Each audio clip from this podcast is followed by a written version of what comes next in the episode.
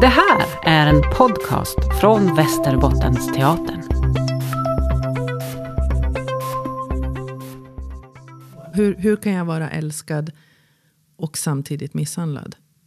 Hur ska jag få ihop det?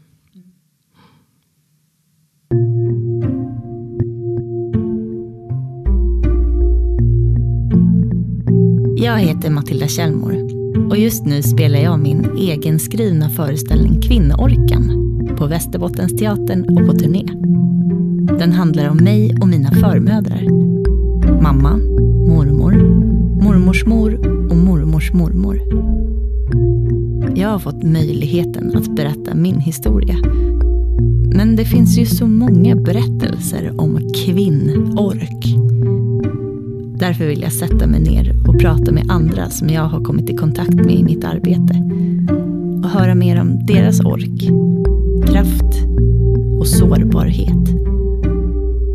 Välkommen att lyssna på Kvinnorkspodden.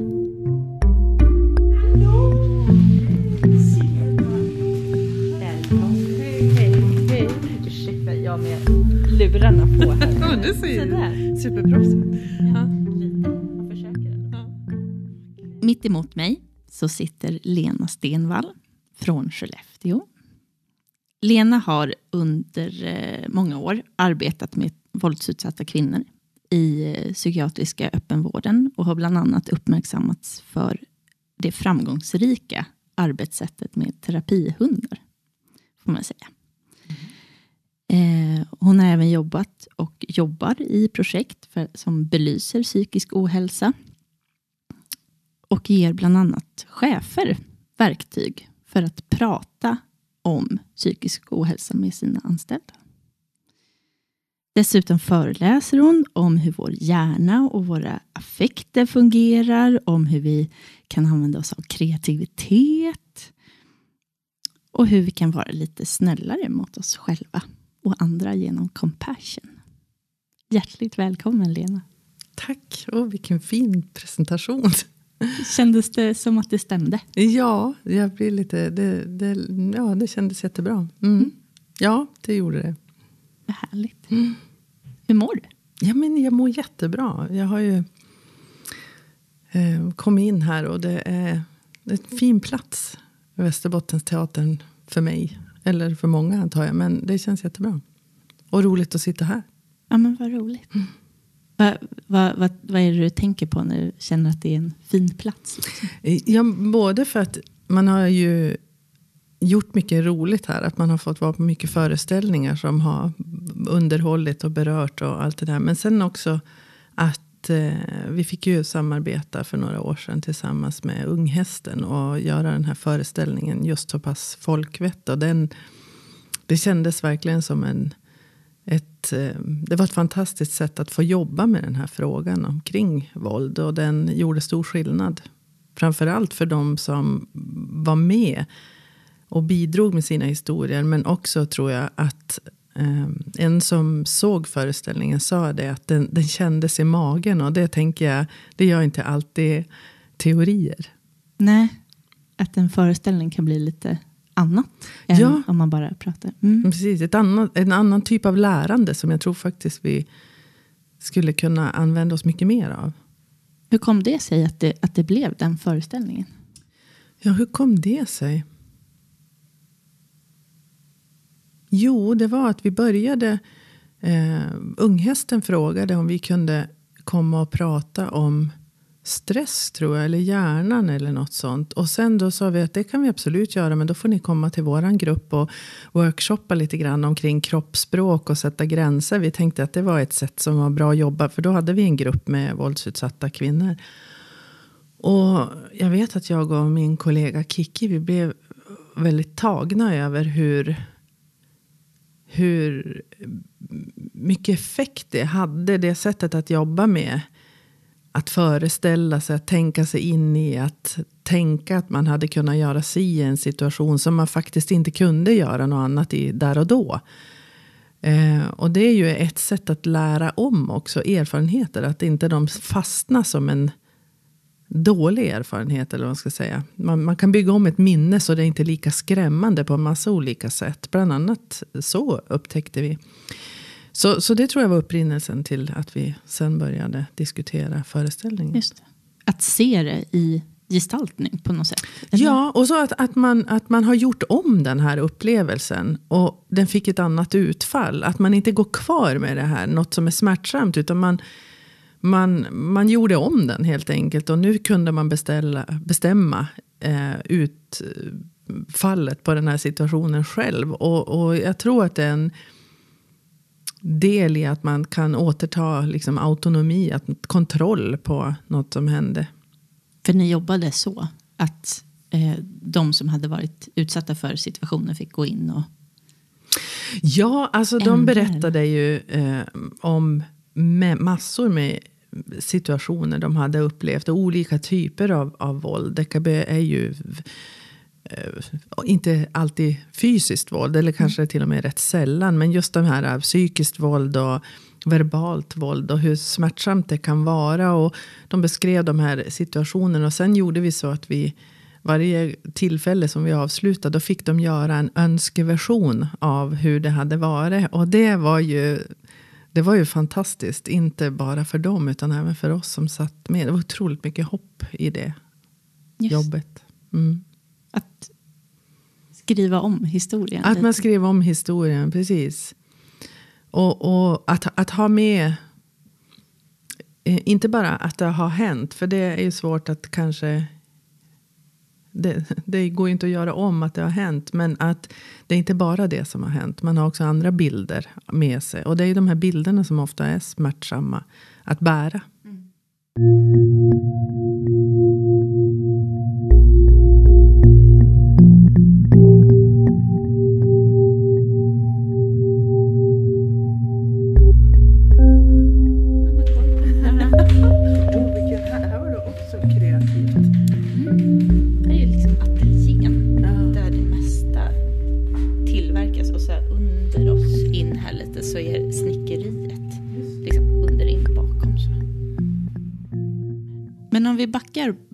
lite då. Mm. Hur kom det sig att, att du började jobba just med våld och våldsutsatta kvinnor? Ja, det är väl en jättebra fråga. För att eh, jag tror man kan ha många ingångar i det. Man kan ha egen erfarenhet som gör att man blir engagerad i den här frågan. Men för mig så var det nog eh, okunnighet, tror jag. Som var min ingång i det här. Att det börjar vara många år sedan. Nu ska jag försöka räkna här efter i huvudet här. Och då brukar man ju ska lägga på. Eller dubbla som min kollega sa en dag här. Ehm, jo, så var jag på en föreläsning om våld. Där eh, man var ute från landstinget och, och beskrev siffrorna. Och jag tänkte det här kan ju inte stämma. Jag har ju jobbat på psykkliniken i flera år. Och jag har ju aldrig haft någon våldsutsatt. Men vad, vad tänkte du att det var? Vad var det du reagerade på där med siffrorna? Att det var många? eller? Ja, ja och i, i, just när det gäller psykiatrin så finns det ju siffror som säger att det är 60 till 80 procent av de kvinnor som finns inom psykiatrin har den här erfarenheten. Och vi identifierar ju inte alls i den utsträckningen. Och sen pratar man också på den här föreläsningen om samsjuklighet. Alltså det här med depressioner, självskadande, ångest, oro, sömnstörningar, depressioner, missbruk.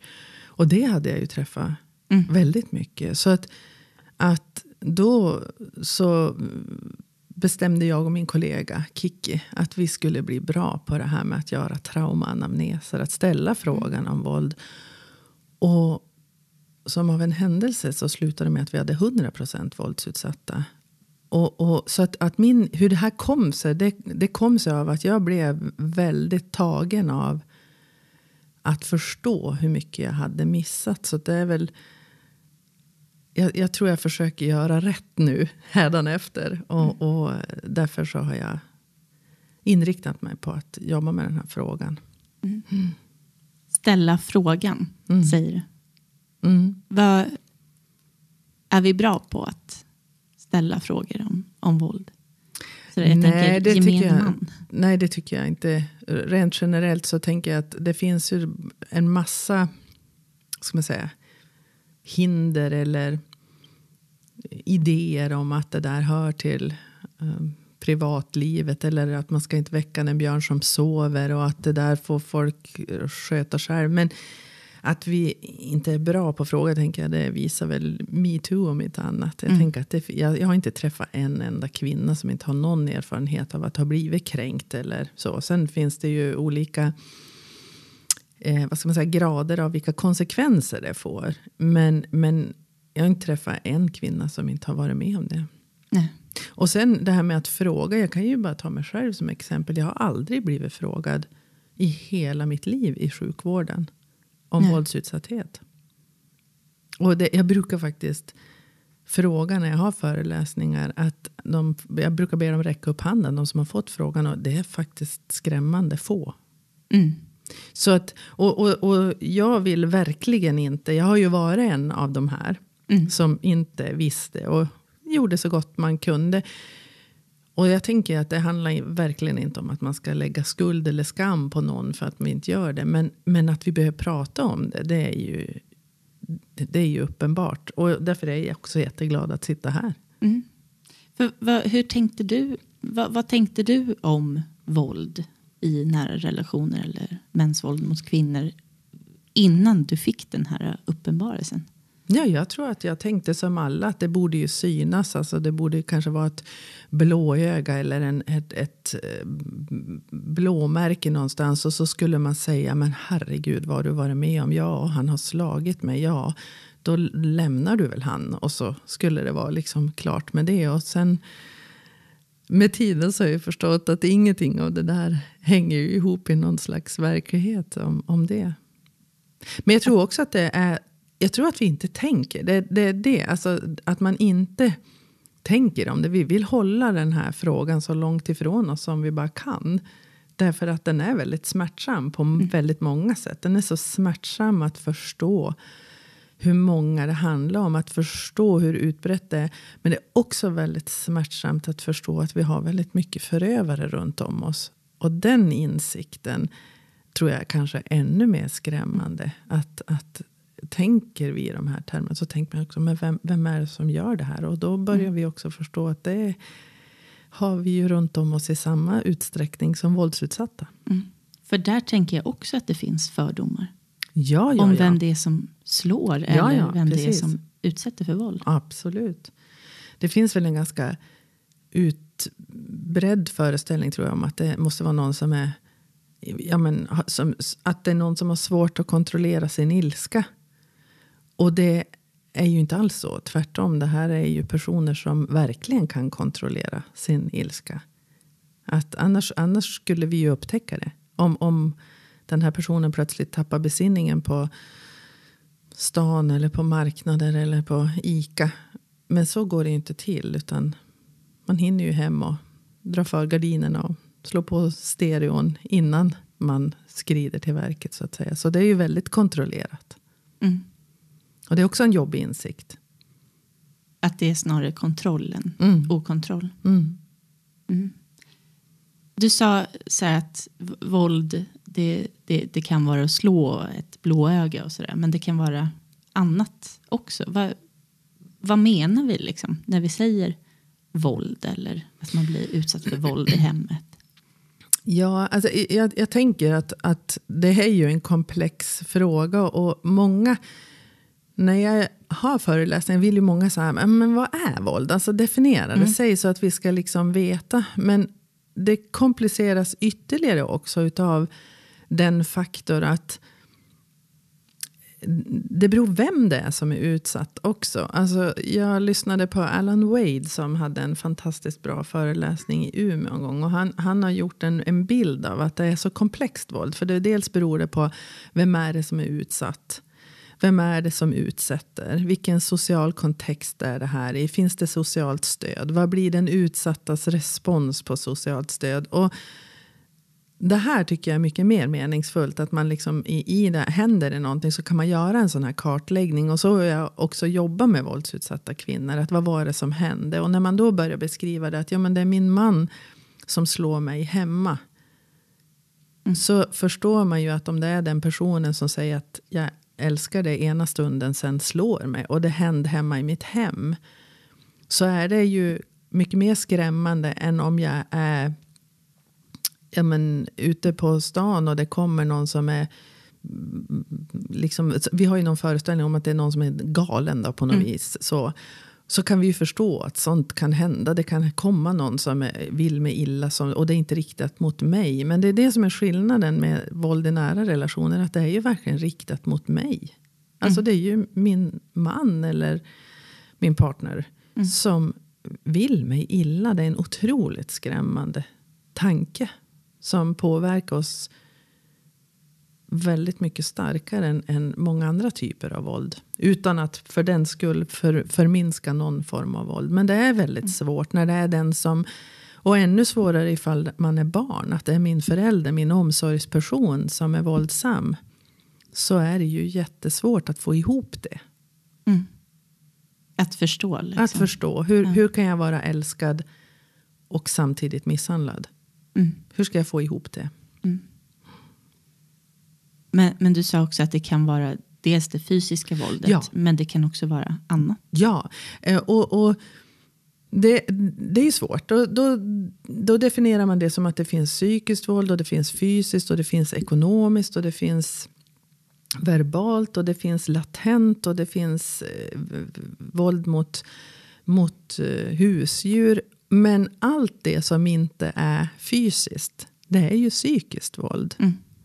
Och det här ingår nästan alltid, tycker jag, att jag har sett att det är ju ett otroligt effektivt sätt att isolera en kvinna eller sin partner genom att ekonomin blir, att man får omöjliggör det genom ekonom, ekonomin. Att eh, man använder upp hennes pengar till exempel. Eller att man börjar isolera henne på annat sätt från sin familj och vänner genom att prata illa om dem. Och ofta så kan det ju vara så att man kanske har någon släkting eller så som är lite ja, men pratglad eller lite jobbig eller lite sur eller vad det nu är. Och så förstärker man det. Men måste vi vara med den där som är så jobbig och sur och så? Och så tänker man, ja, kanske. Kanske Det kanske ligger något i det och så börjar man dra sig undan. Och det här sker ju successivt och det finns ju ingen kvinna som någonsin, och nu är jag tillbaka till det här med att det är ganska kontrollerat det här våldet. För det finns ju ingen man som slår första dejten och kvinnan tänker, åh det här är mannen i mitt liv. Utan det är ju något som, det kallas för att det normaliseras våldet och att det internaliseras. Och när kvinnorna har blivit slagna. Jag, jag har ju frågat Mm de jag har mött. Att liksom när, när, när kom första fysiska våldet? Och det sa jag, nej, jag minns inte riktigt. För det är en helt logisk följd av en kedja av händelser. Där det till slut inte blir speciellt konstigt.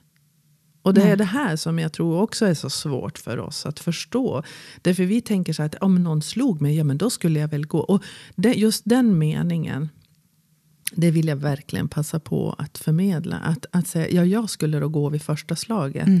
Den skadar så mycket våldsutsattas kvinnors självkänsla. Därför man känner sig ännu mer annorlunda och konstig. Därför att jag inte gick vid första slaget. Men det vi runt om behöver förstå att det är en lång kedja av händelser som gör att man inte går vid det här första slaget.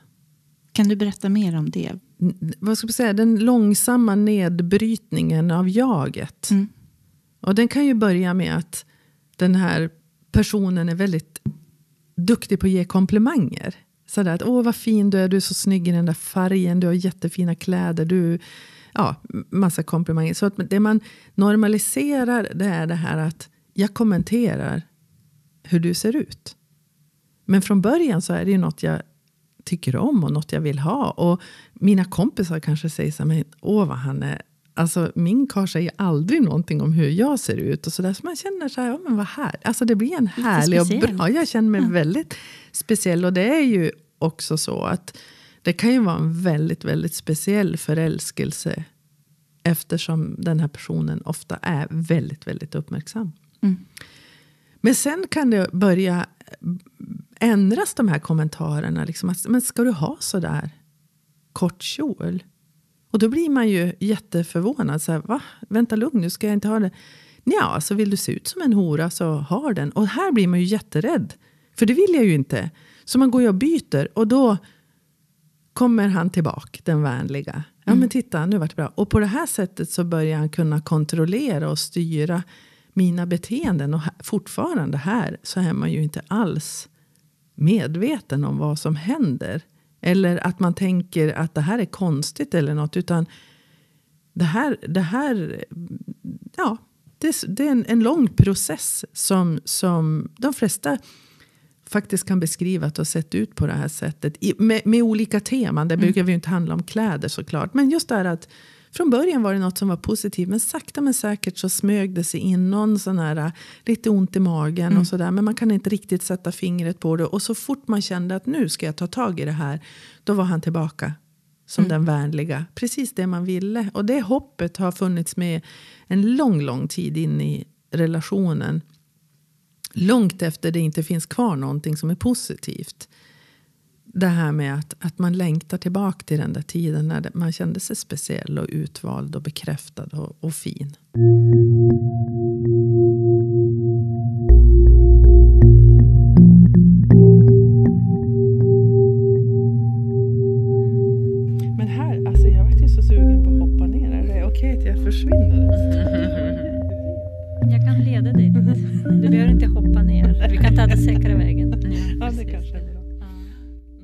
Tänker att om ens omgivning också har den bilden. Ja, men det är ju det som är så... så um, det, det är ju också så att vi tror att dels att vi ska se det här våldet. Det andra som, som vi inte har riktigt koll på det är ju att den här personen lägger sig ju ofta vinn om att vara en trevlig person, att vara hjälpsam, att vara den som ja men, leker med barnen på fester eller så.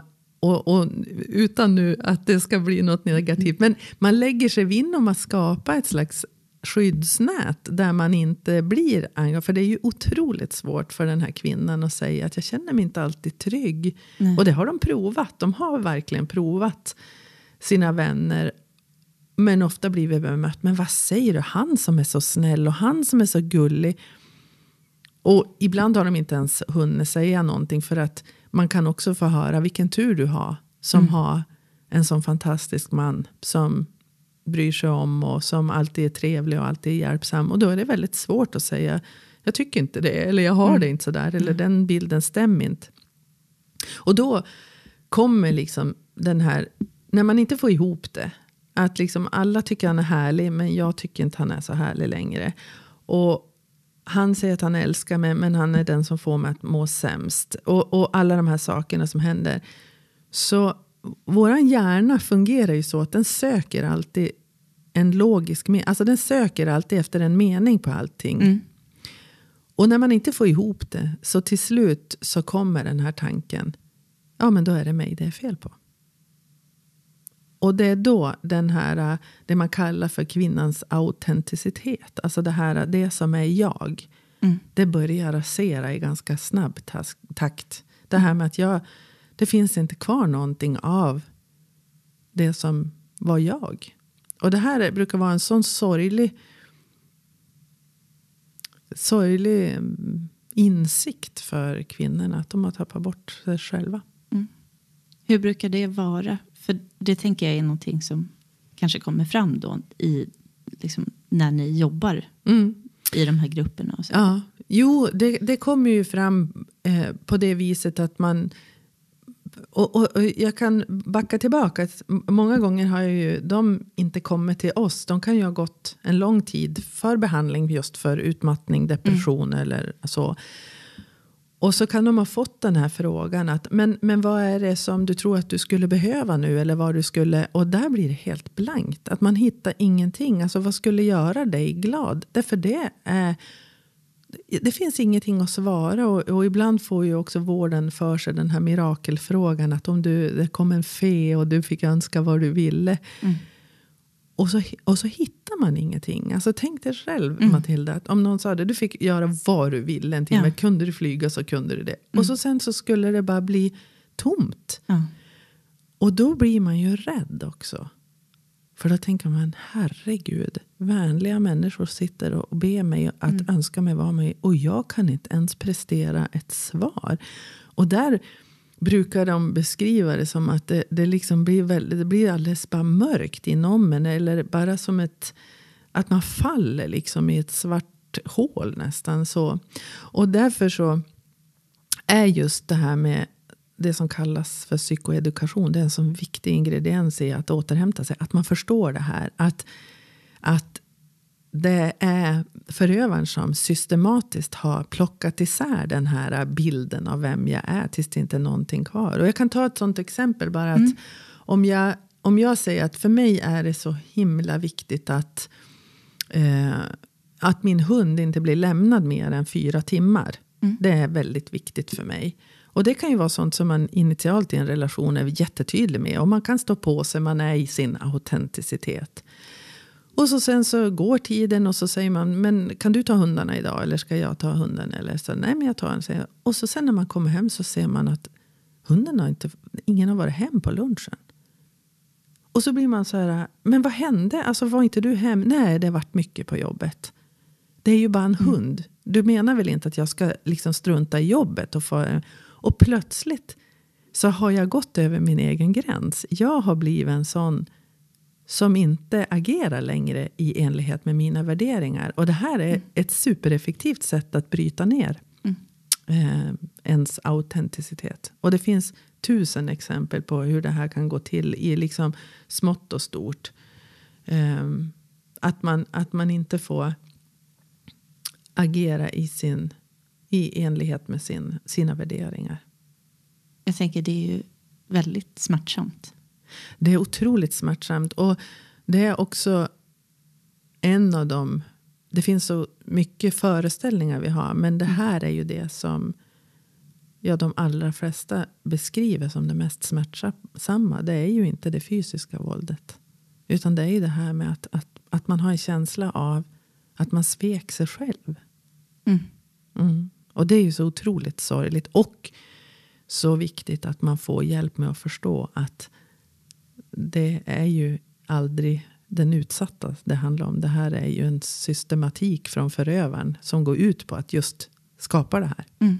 Men, men hur har det påverkat dig att, att jobba med våld? Jag, jag har nolltolerans mot sexistiska skämt. Det är väl en mm. konsekvens av att ha jobbat med det här. Och, det... och hur, varför har du det?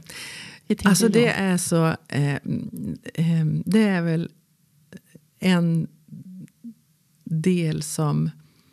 Ja, det här är ju så spännande. Men det är ju många, alltså jag, jag tänker så här, det är jättemånga som blir trött när man hör sexistiska skämt, förminskningar av kvinnor och sådär. Och så suckar man och tittar bort lite grann.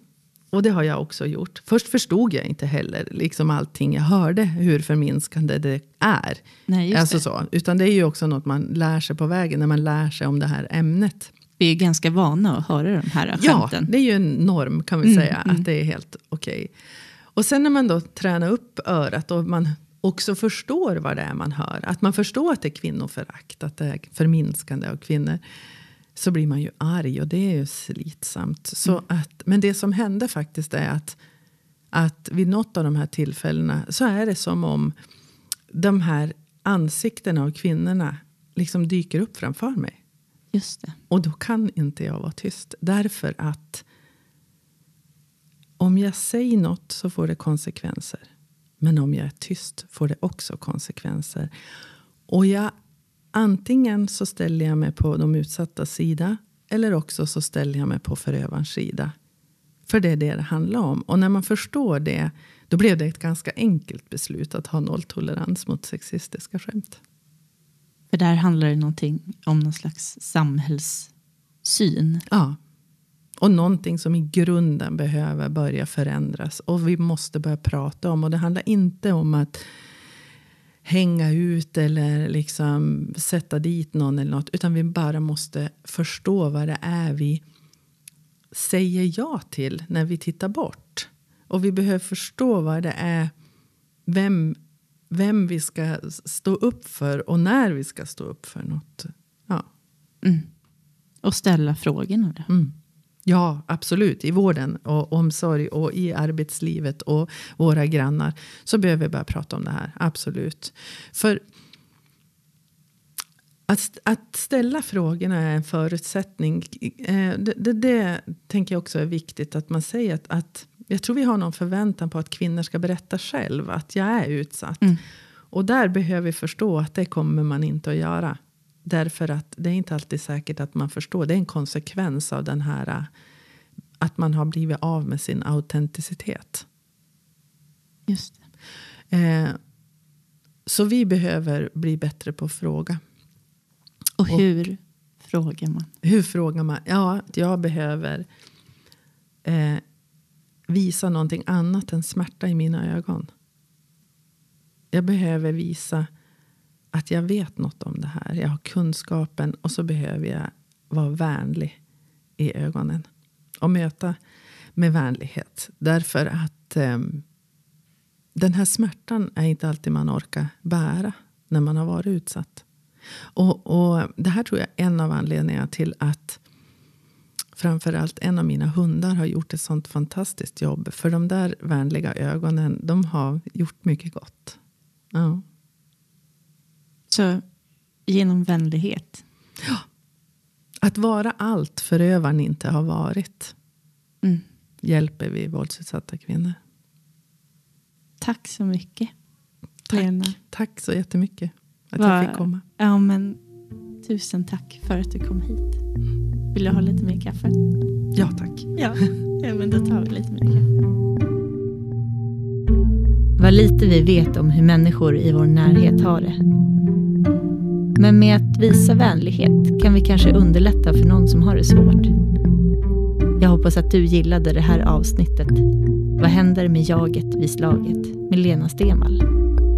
Lyssna gärna på kommande avsnitt av Kvinnorkspodden. En podcast från Nordiskt berättarcentrum, en del av Västerbottensteatern.